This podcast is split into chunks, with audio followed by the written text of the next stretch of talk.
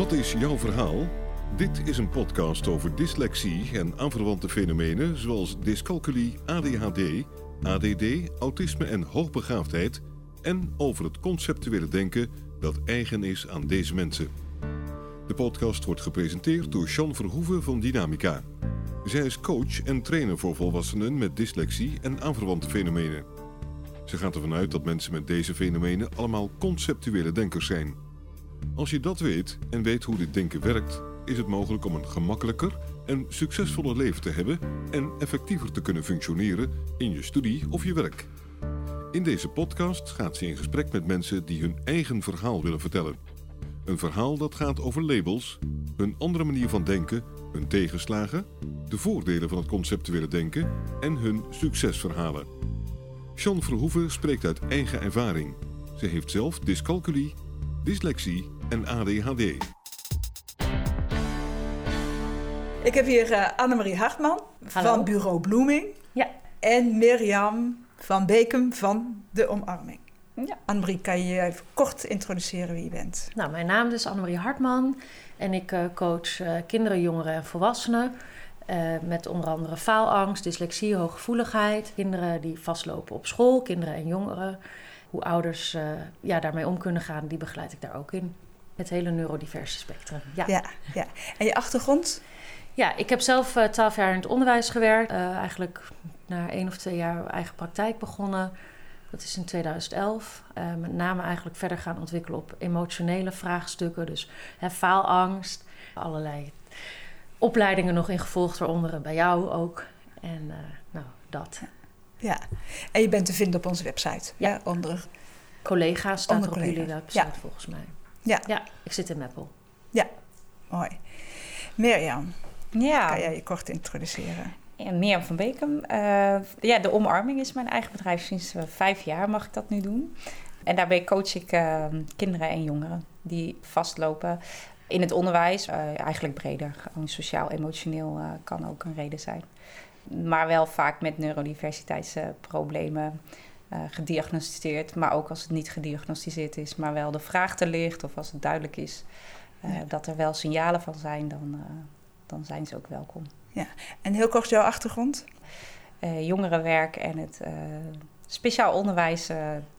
zelfstandig gaan coachen. Ja.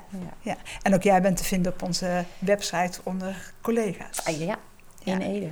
Ja, voor de luisteraars, waarschijnlijk zijn jullie al bekend. Hè? Ik, ik heb eerder podcasts met jullie opgenomen, met allebei eh, jullie. Nu zitten jullie hier samen.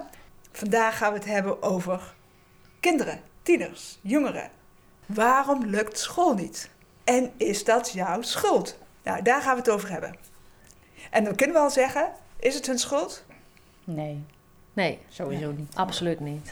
Nee. Wat maakt dat leren niet lukt? Dat kinderen, maar dat veel kinderen niet zo door het schoolsysteem rollen zoals verwacht wordt. Omdat je eh, een rondje bent, eh, heel happy en blij bent als kind als een rondje. eh, en je eigen ambities en plezier en motivaties hebt. Maar dat je in het schoolsysteem door een vierkantje gedrukt wordt.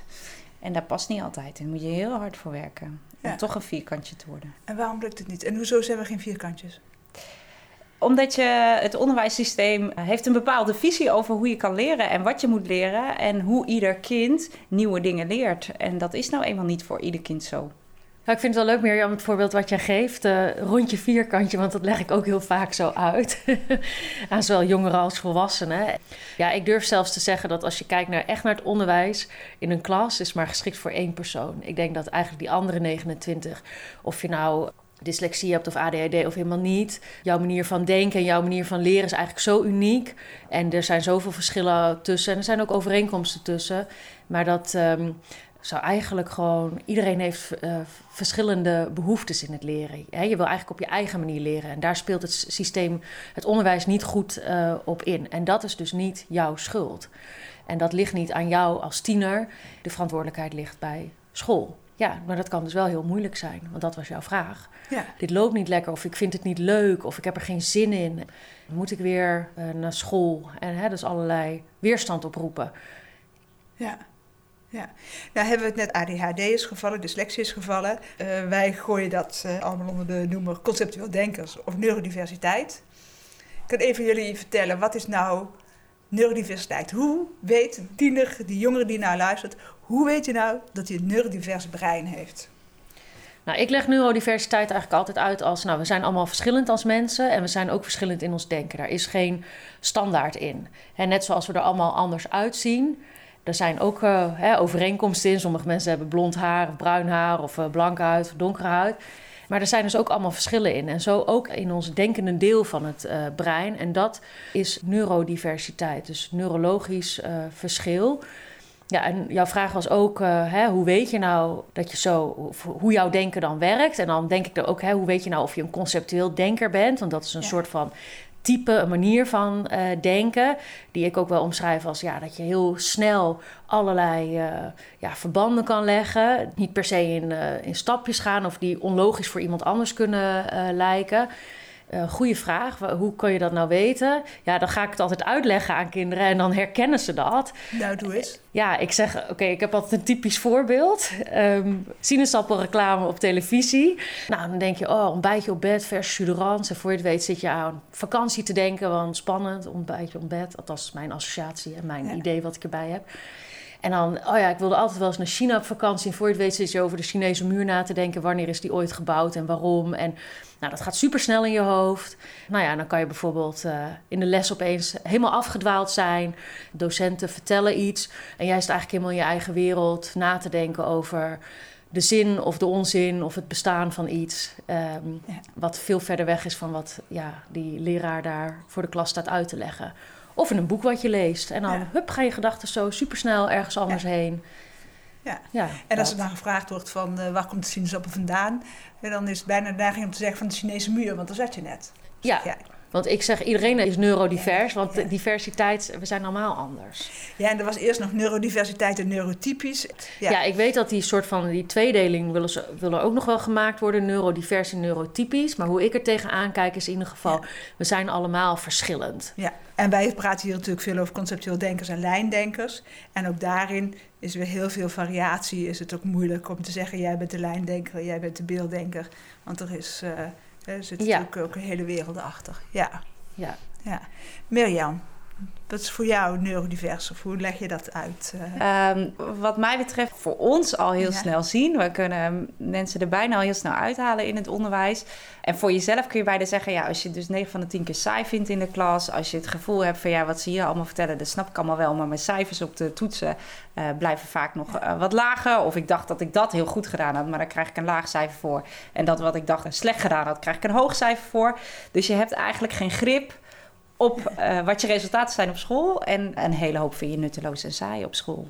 Ja. Ja. Um, ja. ja, en ik denk wat ook wel, wat ik veel uh, zelf ook wel heb ervaren en ook wel van veel uh, jongeren hoor als ik mijn eigen ervaring deel, ja. is ja, dat je eigenlijk continu met de vraag zit van wat heb ik hier nou aan? Wat kan ik hier nou mee? Wat is hier nou het nut van? En dat je daardoor eigenlijk ook niet zo goed ja, kan luisteren of je aandacht er niet goed kan bijhouden en de opdrachten minder goed kan maken. Dus dat heb ik zelf heel erg ervaren. En ook hoor ik wel terug van uh, veel tieners.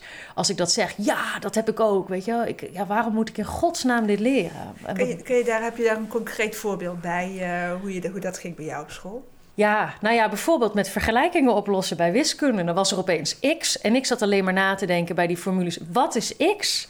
En uh, wat moet ik daarmee en waar komt dat vandaan? En nou, en dat, dat, dat. En dan werden al die stappen uitgelegd van hoe je dan vergelijkingen op moest lossen. En ik, ik snapte het wel. En als ik me ging concentreren op het soort van trucje wat er werd uitgelegd, dan kwam ik wel tot het juiste antwoord. Maar heel vaak werd ik weer afgeleid. Of van, ja, zeker als het wat moeilijker werd. Wat moet ik hiermee? Waarom? Wanneer gebruiken we dit? Ja, ja. nou, dat. Ja. Ja, wanneer gebruiken we dit? Wat moet ik ermee? Maar ook dat je in dat soort opdrachten uh, eigenlijk iedere keer opnieuw dat wiel moet uitvinden of zo. Dat je dat trucje bijna niet. Uh, dat, dat, gaat niet automatisch. Dus iedere ja. keer, je gelooft het pas dat je antwoord bij wiskunde goed is. Als je helemaal zelf hebt kunnen beredeneren hoe je bij ieder tussenantwoord en iedere oplossing kwam. Ja. Uh, want dan kun je op je brein en op jezelf vertrouwen. Maar als het antwoord zomaar eruit rolt. ja, nee, dat kan, dat kan niet goed ja. wezen. Ja. Dus dat, daarmee zeg je eigenlijk, als je zo als het heel gemakkelijk gaat, Ja, het vertrouw je. Nee, dat kan niet kloppen. Daar Nee. vertrouw je al niet meer op. Ja. En dat, dat heeft een eh, reden en een oorzaak van lang, eh, hè, omdat je dat al jaren natuurlijk doet. Maar ook gewoon, we willen alles eh, snappen, begrijpen. We moeten het doel en het nut ervan zien. En als Ja. we niet het totaalplaatje hebben, dan geloven we het nog niet. Dan, dan kunnen we het niet vasthouden. Kunnen we het niet onthouden. Ja, Ja. ja. Ja, en als ik daar nog even wat breder mag trekken, dat nut en dat doel ervan, dat gaat niet per se altijd alleen maar over vakken hè, op school, maar ook over, ja, waarom moeten we om half negen op school zijn met z'n allen? Hè? En eh, waarom moeten we allemaal dezelfde vakken doen? Hè? Dus het kan ook wel ook vragen gaan over, ja, voel je je misschien niet begrepen? Of denk je dat het anders zou moeten? Of vind je iets oneerlijk? ja, ja. Op school of met volwassenen überhaupt. eh, dat jij een straf of een consequentie hebt gekregen waarvan je, of iemand in jouw klas, wat jij echt niet eerlijk vindt. Want jij hebt gezien dat daar omheen ook nog iemand eerst al zat te jennen. Of eh, dat de docent eigenlijk niet de juiste woorden kiest. Of iemand al beschuldigt zonder te vragen waarom die iets deed. Eh, dus jij hebt als tiener jongeren al lang gezien wat er omheen speelt en weet al een betere oplossing. En toch moet jij dat briefje halen of krijgt die klasgenoot die straf, want dat is wat de volwassene zegt. Ja, En dat is wel omdat zo de regels zijn dan. Hè? En het Ja. is een beetje zo, waarom, daarom. Hè? Of waarom, ja, omdat ik het zeg. En dat eh, eh, jongeren, hè, het is terecht dat je daar kritisch op bent en vragen over stelt. Of in ieder geval ook zegt, nou, je mening laat horen. En ik denk dat het voor conceptueel denkers misschien nog wat, wat misschien dat gevoel nog wat sterker is, omdat je hè, dat hele plaatje bekijkt in je hoofd of voelt en dan ziet van ja, dit klopt niet. Ja, je weet meer. Je krijgt meer informatie binnen. Je kan meer informatie aan elkaar koppelen, waardoor Dat. je sneller ziet dat het onrechtvaardig is. Je vindt het al heel lang niet eerlijk dat je al deze dingen moet doen, of dat je dingen moet doen die jou helemaal niet helpen, of die voor jou niet werken. En, hoe doen kinderen dat, hè, die, die geen conceptueel denkers zijn? Hoe zij dat onderwijssysteem ervaren? Nou, ik denk ook wel wat ik net zei: van het, is niet, het geldt niet alleen maar voor kinderen, hè, voor tieners die eh, conceptueel eh, denken, hè, dus heel snel die verbanden leggen maar, en nadenken over het nut van iets. Ik denk dat ze ook wel die vraag stellen. En ook wel, hè, want waar controle is en waar regels zijn, ja, dan voel je een beetje druk al. Dus dat voelt iedereen. Dat Ja. is voor ons als mensen, denk ik, ja, allemaal voelbaar. Maar misschien ja, ben je gewend om toch gewoon de stappen te volgen, want dan weet je dat het goed komt. Hè? Want dat is wel ook wat het onderwijssysteem, als je doet wat op school wordt gezegd. En je leert en je maakt je huiswerk en je levert je opdracht op tijd in. Ja, dan doe je het goed. Hè? Ja, en zijn er nou ook kinderen die dat gewoon kunnen? toch denk ik dat eigenlijk heel veel kinderen zich ook daar aanpassen. Ja, ja. Maar het is denk ik wel gewoon voor eh, kinderen, tieners eh, te weten dat er mensen zijn die een brein hebben die eh, na drie keer lezen gewoon foutloos over kunnen schrijven. Ja, Foutloos dat kunnen vertellen. Dus ja, Ja. want dat, die, ki- sommige kinderen hebben dat talent. Hè? Ja. Net zoals anderen een ander talent hebben. Ja. Eh, en daar is het schoolsysteem op omheen gebouwd. Ja. Ja. En dat maakt dat school voor heel veel jongeren niet lukt. Ja. Ja. Ja. dat klopt. En dat maakt dat je dan hè, ook kan denken van... eh, ja, wat doe ik dan verkeerd? Of eh, wat is er dan mis met mij? Of dat je gewoon geen zin meer hebt om je in te zetten. Want ja, het lukt toch niet. En laat maar zitten. Dat, omdat je, wat jij zo mooi vertelt... dat je gewoon, eh, ja, hoe het systeem in elkaar zit... dat je ja, braaf je huiswerk maakt en dingen leert... en dan weet, als dat niet werkt voor jou... ja, dan op een gegeven moment... eh, dan is het natuurlijk ook... eh, vraag je wel af, waarvoor doe ik het dan?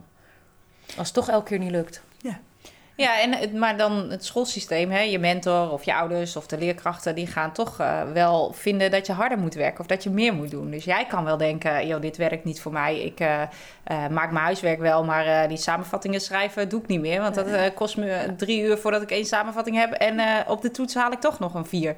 Ja. Toch krijg je van die docent wel te horen van, ja, maar ga eens even harder werken. Heb je wel een samenvatting geschreven? Je moet wel leren. Heb je drie dagen van tevoren geleerd? Heb je heb je, je moeder laten overhoren? Waar jij denkt, ik kan wel minder of dit werkt niet voor mij, houdt een, de meeste docenten houden vast aan. Ja, maar dan moet je nog iets harder. Dan moet je Ja. nog een dag eerder beginnen met eh, Ja. leren. En dan moet je wel, ja, als jij je huiswerk al niet maakt en niet nakijkt, dan hoef je bij mij ook geen vragen te stellen. Die hebben jullie vast ook wel eens gehoord.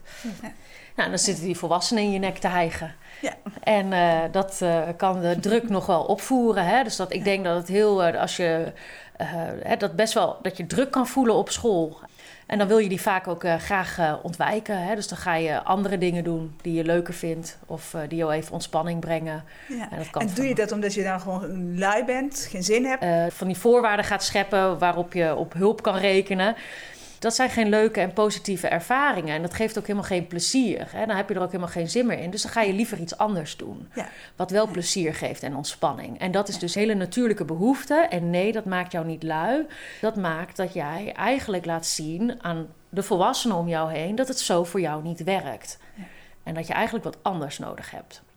Ja. Annemarie. En dat je dan eigenlijk ook niet weet wat je dan anders nodig hebt. Want ze Ja. kunnen wel zeggen, eh, je moet drie keer overschrijven. Dat weet je dat niet werkt, maar wat dan wel? Ja, Eh, want dat bieden ze je eigenlijk niet aan. Ik denk dat er heel weinig eh, jongere tieners zijn die luisteren en die eh, voor iedere toets een mindmap maken. Ja. Eh, of die überhaupt weten wat een mindmap is. Ja, Ja, of en- bijvoorbeeld op de basisschool hebben leren mindmappen. En dan ging de juf vertellen... ja, dan moet je beginnen met een cirkel in het midden... en dan doe je het zo. En dan is het weer heel veel moeten. Ja. En zo werkt een mindmap juist weer niet. En Ja. dan, ja, dat werkt niet voor mij. Hè? Ja. Dus echt dat je iemand vindt die jou begrijpt... die luistert, die met jou meekijkt. Dus ook vallen en opstaan om uit te vinden wat voor je werkt... Ja. Hè, dat kan een ouder zijn, dat kan een begeleider zijn... dat kan een docent zijn op school, een leuke mentor. Ja, en dat je, eh, dat je echt op je eigen manier mag doen. Dus tot nu toe heb je steeds te horen gekregen... nee, maar je moet het op deze manier doen. Of je moet Ja. wat harder je best doen, of wat harder werken... of wat eerder beginnen. Ja. En die, dat wil je allemaal niet, dat lukt niet. En misschien heb je ooit wel gedacht... hé, hey, maar ik ga het even lekker op deze manier doen... of ik ga helemaal geen samenvattingen schrijven. Ik ga gewoon filmpjes kijken over dat onderwerp. Dan, eh, dan krijg ik de informatie ook wel binnen. Eh, maar dat wordt vaak ook afgestraft... of je durft het al niet meer te proberen. Maar juist dat vertrouwen hebben... ga maar uitproberen, ga het maar op jouw manier doen... En je hebt hartstikke gelijk dat het niet werkt op de manier die ze jou aanleren in ieder geval. Dat Ja. dat niet voor jou werkt, dat mag je des te harder roepen tegen je Ja. ouders en tegen die leerkrachten. Ja. Laat hun maar bedenken dan wat er nog meer kan. En dat je daar een aantal jaren voor hebt om dat uit te vinden. Dat het niet in één, twee keer eh, klaar moet zijn. Ja. Ja. Ja, helemaal waar. Kijk, er staat ook druk op, hè, want we moeten allemaal overgaan. Ik weet nog dat ik in de vierde klas ben blijven zitten. Nou, dat vond ik een ramp. Ja. Totdat zeg maar, het moment daar was, dacht ik van, nou, het maakt niet uit als het gebeurt. Maar dikke tranen huilen toen de kogel door de kerk was. En, ehm, want we moeten allemaal door, want Ja, we moeten allemaal ja. vooruit. Maar Ja. eigenlijk heb je de tijd. eh, Ja, en dat het ook als dreigement eh, gebruikt wordt. Tenminste, toen mijn kinderen op de middelbare school zaten. Van, als je blijft zitten, dan staat het op je cv... en dan word je nooit meer aangenomen op vervolgonderwijs. Nou, geen vervolgonderwijs heeft ernaar gekeken... want die wil dan gewoon een nieuwe toets, een nieuwe eh, iets... en je moet je weer bewijzen op dat moment. Ook als dreigement gebruikt En- wordt. Dus ja, soms heb je even pas op de plaats nodig. ja, Even rust. Als het misgaat op school... is het dan de schuld van de jongeren? Ja, want jij, Jij hebt niet hard eh, genoeg gewerkt en jij bent niet eerder begonnen en jij hebt je En je toetsen te laat ingeleverd. en, eh, je ja, zit ja, dus en, we eh, kunnen allemaal heel goed als volwassenen benoemen wat jij allemaal niet goed gedaan hebt. Als volwassenen zien we te weinig of nemen we te weinig tijd om te zien wat er bij jou van binnen zit. Want er is iets. eigenlijk als je goed voelt, hè, dan kun je veel meer. En als je niet goed voelt, hè, dus stress hebt of allerlei zorgen hebt, ook over misschien vriendschappen die niet lekker lopen of als er gedoe thuis is of zo. Ja, dan, dan gaat dat, dan is jouw prioriteit, zeg maar, jouw, jouw hoofdzaak is niet eh, goede cijfers halen op school. Hè? En misschien kan dat wel, want dat is de andere kant van de medaille. Hè? Je kunt zeg maar de- juist heel erg met andere dingen bezig gaan. Maar de, de andere kant is dat je juist heel erg je best gaat doen. Hè? Heel hard leren. Dat kan ook. Alleen, ja, je, je mag eigenlijk gewoon zijn wie je bent. En dat het voor jou eh, op een goede manier werkt, het leren. Hoe krijg ik dat nou het verstand gepeuterd van mijn ouders, van mijn leerkrachten? Je moet aangeven eh, of je lekker in je vel zit. Als er dus gedoe is om jou heen of je zit niet lekker in je vel. Of bijvoorbeeld eh, hè, dat je helemaal geen zin hebt, lusteloosheid eh, Ja. om het te doen. En ik, ik denk dat je. Ik wist vroeger wel dat ik mij zo voelde, maar ik wist niet waarom. En Ja. hè, dan komen we even terug bij wat al eerder was. En ik dacht wel dat dat aan mij lag. Ja. En ik had het toch wel eh, leuk gevonden als ik eh, dan eh, iemand had die mij had verteld van nou dat ligt niet Ja. aan jou. Laat eens kijken hoe het bij jou wel kan werken. Ja. En of altijd twijfelen aan jezelf. Dat is Ja. natuurlijk ook eentje van, ja, iedereen kan het. Want als je dik in de stress zit, dan lijkt het ook alsof iedereen het kan. Minder leuke dingen, kanten ervan. Het, het, het, ja, de agressie, wat ik al zei, en bij de hand zijn. Dan Ja. denk je, jeetje, hè, hoe moeilijk is dat? En dan, eh, maar ja, een docent moet dat ook maar kunnen handelen als hè, leerling constant de, op, eh, de oplossingen geven. Net voordat zij het willen gaan vertellen. Dus dat, eh, maar dat je weet dat het erbij hoort. Bij, die, bij dat zien, dat beelddenken, het associatief denken, het vooruitdenken, het snelle denken. Ja, en Ja. Ook, als, eh, hè, ook kritische vragen stellen in de klas. Hè? Waarom Ja. dan? En als Ja. een docent daar geen antwoord op weet... Hè, dat je ook wel een beetje het, het vuur aan de schenen weet te leggen. Dus een beetje doorvragen. En dat wordt niet altijd gewaardeerd natuurlijk. Alle volwassenen om je heen. En dan kun je wel eens even, nou ja, zeg maar... Hè, dan moet je eruit. Of ja, dat, dat ligt niet aan jou. Maar dat is ook een soort van eh, ja, machteloosheid van de, van de docent of de ouders eh, om je heen. En om nog even terug te komen op jouw vraag van wat, hoe kun je dat nou aan het verstand peuteren van al die volwassenen om je heen? Nou, ik denk bijvoorbeeld is eh laatst eens een boek lezen over conceptueel denken. Hè? Ja, je hebt er een mooie geschreven hè, over dyslexie, stoornis of intelligentie. Eh, maar ook eh, deze podcast, er, staat, er wordt ook uitgelegd wat is conceptueel denken. Want ik denk bijvoorbeeld dat het daarmee begint. Dat, Ja. dat volwassenen ook een beetje meer kennis nodig hebben over dat er verschillen zijn in het leren. En dat Ja. kinderen daarom ook hè, eh, op de basisschool en jongeren op het voortgezet onderwijs kunnen vastlopen. Ja. En dat dat ook dat dat gevolgen heeft voor ook hoe je je voelt over jezelf. Want dat is niet de oorzaak. Ja. Het begint bij eh, ja, het vastlopen. Ja. Ja, ik zit ook mee te denken van in hoeverre is het ook een, een tip jongeren te zeggen van vraag eens aan je ouders hoe zij school ervaren. En als ze zeggen nee, dat ging goed, om maar eens door te vragen ook, want bedoel, je moet het toch van iemand hebben. Want als jij niet in het schoolsysteem past als, als kind, dan moet er toch ergens een ouder, grootouder, ooms, tante, neef, nichten zitten die daar ook last eh, Ja. van hebben. Ja. Ja, alleen dat klopt. En tegelijkertijd is dan voor ouders wel gelijk de tip om de niet. Ja, toen was het anders, want Ja. het ligt niet aan de tijd. Het, wa- Nee, het nee, is nu nog steeds zo. Ja. Alleen die systeem, het systeem is in de basis nog steeds hetzelfde. Ja, mijn kind zegt dan, eh, het systeem is opgezet om te zorgen dat kinderen in de fabrieken te gaan Ja. werken. Maar nu gaan we, werken we niet meer in de fabrieken. Een aantal wel, maar heel veel niet. En ook daar eh, zo standaard zoals Nee. het eh, toen was. Maar het schoolsysteem is niet eh, veranderd. Eh, ja, er mist gewoon ruimte voor je eigen creativiteit en Ja. je eigen zijn. Hè?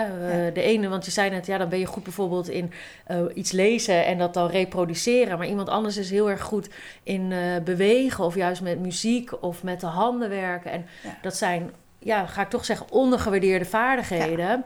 Want muziek is dan op sommige scholen bijvoorbeeld een eindexamenvak. En sport ook. Dat is iets van de laatste jaren. En nog lang niet op elke school. Maar Nederlands, wiskunde en Engels zijn nog steeds kernvakken. Ja, En dat zegt wel iets over wat vinden we dus belangrijk. ja, En ik denk dat dat anders mag. Want alles is even belangrijk. Ja. En even waardevol. ja.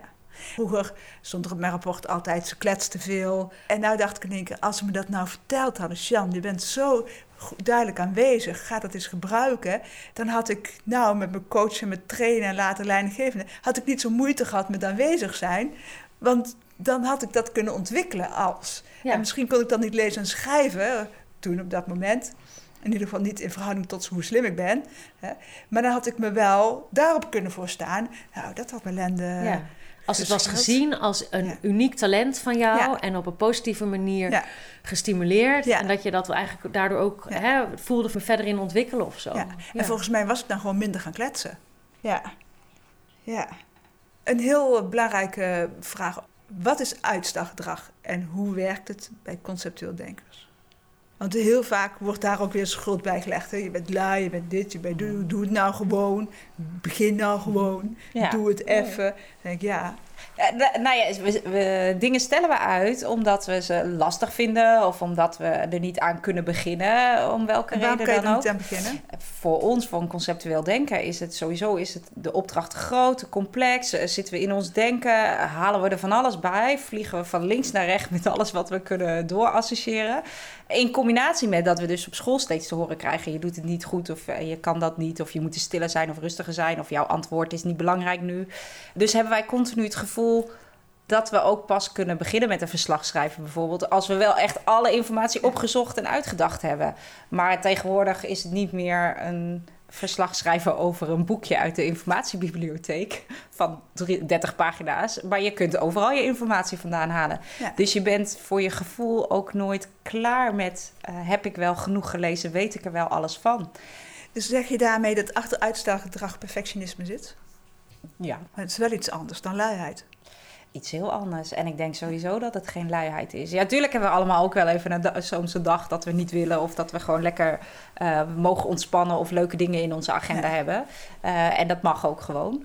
Het heeft een reden waarom je niet begint... of wanneer, waarom je niet eh, niet iets op papier zet. Als we het dan over verslagen hebben, dat verslag wat je in moet leveren, uh, met alle eisen waar het aan moet voldoen, vooral op taal. Ja, ons hoofd denkt niet in taal. Er zitten honderdduizend ideeën in. Het is allemaal film en beeld en uh, herinneringen en voorbeelden. ja, en als ik dat op papier moet zetten, denk ik, help, waar moet ik beginnen? Nou ja, om een voorbeeld te nemen, als ik een mailtje moet schrijven, uh, kan ik al niet eens beginnen met de, de zin, onderwerp, uh, voor wie, waar het mailtje over gaat. Die zin kan ik pas als laatste schrijven, want ik begin toch echt eerst het mailtje te typen met wat ik nou precies wil zeggen. En dan moet ik daarna nog teruglezen. Oh, misschien moet ik ook nog even zeggen, geachte heer mevrouw. Of, want dat is voor mij niet belangrijk, want dat is niet de inhoud en daar gaat het niet over. Ja. Ja. Ja, ik heb wel, uh, denk ik, misschien een leuk voorbeeld ervan. Is, ik had een uh, meisje wat bij mij uh, kwam. kwam dan binnen en dan was het altijd... Ja, Duits heb ik een proefwerk en, uh, en wiskunde zus. En nou ja, een hele riedel aan wat er allemaal moest gebeuren. En dan had ze dat eruit gegooid en dan was het... Hoi, hoe is het met je? Dus eerst moest gewoon ja. wat er bovenop zit... Ja. De shit noem ik het dan wel even. Hup, dat moest eruit. Kijk, wat dan zo gewoon is, uh, althans wat we als een soort van regel of norm in onze maatschappij hebben, is je begint bij het begin. En dat is hallo, hoe is het ermee? En ja, ja nou, ik heb dus een uh, beetje een lastige dag, want ik heb Duits, uh, dit en dat en zo, zo. Nee, en dat, zo werkt het gewoon niet. Als jou, en zeker ook als er emoties bij zitten van, oh jee, ga ik dit allemaal wel redden? En moet je gewoon eerst datgene wat er bovenop zit, moet je eruit gooien. Ja. En dat geldt ook voor het schrijven. begin maar ergens. Wat er bovenop ligt. Wat er bovenop ligt. En dan ja. komt het vanzelf. Alleen dat is best wel soms een ja, moeilijk, spannend proces wat wel uitvinden is hoe dat werkt. Ja. En het zou fijn zijn als mensen op school dan weten van hoe dat bij jou werkt en jou daar ja. wat in kunnen begeleiden. Dat is denk ja. ik wel toch een, uh, ja, een prettige ondersteuning. Hmm. Ja. ja, en jullie zeggen het allebei, hè? we beginnen bij, dat we niet bij het begin beginnen en dat soort dingen. En dat is ook echt typisch iets hè? van het conceptuele denken in conclusies denken. En als we gaan schrijven, dan moet er nog elke letter neergezet worden. Ja, ja, en dan verzuip je ook echt in je eigen brein, zeg ik ja, altijd. In je eigen gedachten. Want er zit zoveel in je hoofd. En alles wat ik moet schrijven gaat nog veel langzamer dan dit. Uh, en dat ik bij het derde woord ben, dan probeer ik balletjes in de lucht te houden. Hè. Dus al die gedachten probeer ik vast te houden. Want het zijn allemaal goede argumenten voor mijn verslag. Uh, verlies ik heel veel balletjes. Of ben ik bang dat ik die verlies. Kom ik nergens. Loop ik helemaal vast. Ja, nou, en ik denk ook wel bij schrijven wordt, wat je wel vaak leert op school is, hè, je hebt een tekst, is een inleiding, een kern en een slot. Hè, dat is nog altijd volgens mij de standaard riedel. Ja, ja. Uh, maar dat schrijven een proces is en ook een creatief proces is. Ik zeg altijd, schrijven is een kunst. Hè, net zoals schilderen bijvoorbeeld of muziek maken. En, en daar zijn ook verschillende meningen over. Hè? Dus iets wat, wat mooi is of goed is, is een mening. En eh, op school heb ik zelf ervaren, de mening van de docent is zeg maar de, de standaard. Ja. Maar je mag best een eigen mening hebben over wat mooi is in schrijven of wat jij goed vindt in schrijven. En ja. dat er een soort van goedlopend verhaal in moet zitten, waarbij je de lezer begrijpt wat jij wil vertellen. Dat is het doel. Ja. Uh, ja, dat begint soms eerst met uh, wat chaos en een grote brein, maar daar ga je doorheen werken. Die verf die een schilder heeft, is ook als een soort van kliederboeiers. En dat, dan, dan ontvouwt zich een beeld. Ja. Ja, en zo en werkt schrijven ook. ook. Ja, dat ja. zeg je goed, uh, ja, Annemarie. Juist dat je er doorheen moet werken om ergens te komen. En als je dus gaat proberen om het op de manier te doen zoals het moet... of je gaat je richten op die tekst, dan blokkeer je volledig. Dan ga je er niet doorheen, maar dan zet je alles stil. Al je gedachten. Ja. Ja. ja, ook omdat je het probeert te doen zoals iemand anders zegt dat je het moet doen. Ja. En mag ik daar nog een voorbeeld over geven? want uh, dat is misschien wel leuk. Was, nou, toen werkte ik nog op uh, school en op uh, voortgezet onderwijs. En toen hadden we voor de eerste klassers... had ik met een docent Nederlands een brief aan de ouders opgesteld... Toen moest ik het jaar erop moest ik die uh, brief weer versturen. En toen zei zij van, oh ja, anders pas je hem even aan. En toen ging ik hem aanpassen, maar ging ik heel erg nadenken... wat zou zij schrijven? Ja. Want zij was ja. de docent Nederlands. Hè? En dan kwam mijn eigen onzekerheid over... dat ik dan niet goed genoeg uh, zou kunnen schrijven. Nou, en toen maakte ik allemaal fouten in die brief. En zij keek hem na. Toen kreeg ik het ook nog te horen wat er allemaal fout was. Ja. En toen wist ik heel goed van... oh ja, maar ik, ik schreef niet wat ik zelf dacht. Ik ging denken wat zij zou schrijven. En dat is blokkeer je en dan komt het er eigenlijk juist niet ja. goed uit. Dus wat ja. wil jij zeggen? Ja. En wat vind jij van iets? Hè? Want schrijven gaat ergens over. Het is inhoud, het is een verhaal. Je hebt en, iets te vertellen. Ja, jij, wat jij te vertellen hebt en niet een algemeen verhaal. Ja. Ja. en dat wordt een beetje uitgezet op school. Hè? Daar, daar verlies je je motivatie. Als je alleen maar bezig bent met opdrachten en werkstukken en, en wiskunde, scheikunde, Engels, waar, waarbij je continu alleen maar... Vandaag doen we opdrachten eh, 15 tot en met 25. Ja. Eh, je doet het alleen maar voor hun. En het zijn opdrachten die je waarschijnlijk niet interessant vindt. En het onderwerp Ja. misschien wel, maar je mag niet... eh, niet doorvragen en je mag niet lezen wat jij leuk vindt, maar je moet vragen beantwoorden dat je denkt, ja, die, sta- die staan al in de tekst. Waarom moet ik dat nou nog een keer opschrijven? Ja. Ja. En bij Engels, en ze houdt van Engels en ze houdt van schrijven. Maar ze moet het precies doen, een essay Ja. schrijven zoals de docent zegt. Nou heb ik zelf Engels gestudeerd aan de universiteit. En toen zei ik, ja, en toch mag je daar veel vrijer schrijven. En eh, eh, jouw mening eh, gewoon goed op papier zetten. En natuurlijk moet dat een lopend verhaal zijn, zodat de, jouw lezer jou kan volgen. Maar er zijn niet allerlei regels voor. Je Ja. moet deze woorden gebruiken Ja. en die niet. En Ja. hè, dat het heel zwart-wit is. En zo wil het soms nog wel eens op school worden verteld met de beste bedoelingen. Ja, onder een mom, dan maken we het makkelijk. Schat ik zo in. Ja. Ja, Zijn er nog dingen die, ik, die, die verteld moeten worden en die ik niet gevraagd heb? ja, alles wat je voelt en ervaart op school en ook misschien wel eh, thuis. Ja, en dat je dan misschien ook wel je alleen kan voelen of verdrietig of boos of agressief. Hè? Dat werd net Ja. ook al wel eerder genoemd. Hè, dat is meer een uiting van dat er eigenlijk iets niet klopt. Ja. En dat ligt niet aan jou. Je laat Ja. eigenlijk een soort van onbalans zien. Ja. Ja, en het kan best zijn dat je ook iets voelt van iemand anders, hè, van een van je Oh, ouders of van een van de docenten op school. Maar ook wel dat het systeem gewoon, ja, het schoolsysteem, het onderwijs ook niet voldoet aan waar jij behoefte aan hebt. En ja, die behoeftes, eh, die mag je serieus nemen. En ehm, Ja. ja. dat. Wil ik daar als nog even op aansluiten. We hebben filmpjes. Waarom lukt school niet? Dan leg ik ook nog iets uit hoe dat zit met taal. En eh, dat kan je ook vinden als je intypt waarom leren leuk is en school niet. Eh, Het is een Engelstalig filmpje bij iemand die volgens mij ADHD heeft, maar die heel mooi neerzet wat, hoe leuk het is om te leren, nieuwe dingen te leren, eh, maar hoe vreselijk saai het is om elke keer een toets te moeten maken over iets wat drie weken geleden was en niet iets wat je ondertussen alweer bijgeleerd eh, hebt.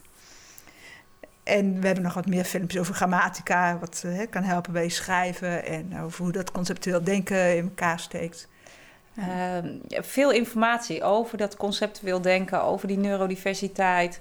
Eh, begin met zelf opzoeken, eh, ga hulp vragen. Eh, als je behoefte hebt wel aan eh, professionele ondersteuning die even met jou mee gaat kijken hoe je huiswerk Ja. gaat maken. Maar het is niet alleen maar nu weten dat het niet aan jou ligt en dat Ja. school anders is en dat het dan nu makkelijker gaat. Het scheelt een hele hoop dat je dat nu weet. Maar hoe meer kennis je hebt over hoe het dan bij jou werkt en hoe het dan voor jou wel lukt, dan wordt het ook een stuk leuker en makkelijker en Ja. interessanter. En om te kunnen leren is het van belang dat het leuk is. Ja, Want daarvan raak je in ontspanning. Ja. En dat maakt onder andere ook uit waarom leren, toetsen maken zo lastig is. Want we zitten niet in ontspanning. nee. Ja, nee, want dan wordt er gekeken of je voldoet of niet hè, aan een norm aan de norm. waar wij niet aan kunnen voldoen. Ja. Als Dus misschien wat ik nog wil toevoegen is... doe ook vooral veel leuke dingen waar jij Ja. eh, hè, inspiratie uit haalt... of die jou plezier geven. Eh, want leren doe je vooral ook buiten school. En eh, Ja. Ja. ja, alles is leren. Weet je? Als je paardrijden gaat, leer je ook. Of pianoles. Of nou ja, Ja. dingen samen doen met vriendinnen Ja. of vrienden. En dat leren, dat is iets waar je later ook wat aan hebt. Ja, absoluut. Ja. Zeggen we uit ervaring. Ja. En onze eigen ervaring en al die klanten die we al eh, Ja. gesproken hebben. Ja. Ja, dankjewel voor dit gesprek. Ja, jij ook bedankt. Heel graag gedaan. Ja. Wil je reageren op deze podcast of heb je vragen? Stuur dan een mail naar podcast.dynamica.nl. De reacties zullen worden meegenomen in volgende podcasts. John Verhoeven geeft coaching, workshops en trainingen. Wil je meer informatie?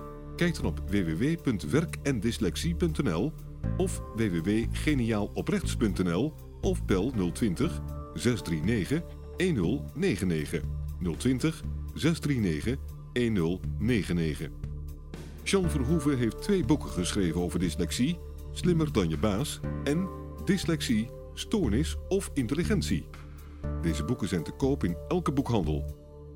Stuur de podcast door naar iedereen waarvan je vindt dat ze meer zouden moeten weten over dyslexie, ADHD, ADD, dyslexie, dyscalculie, autisme en hoogbegaafdheid en het conceptuele denken. Deze podcast is gemaakt in samenwerking met Marcel de Hoog van Storytelling Media. Hij verzorgt de technische, redactionele en morele ondersteuning. Tot de volgende aflevering.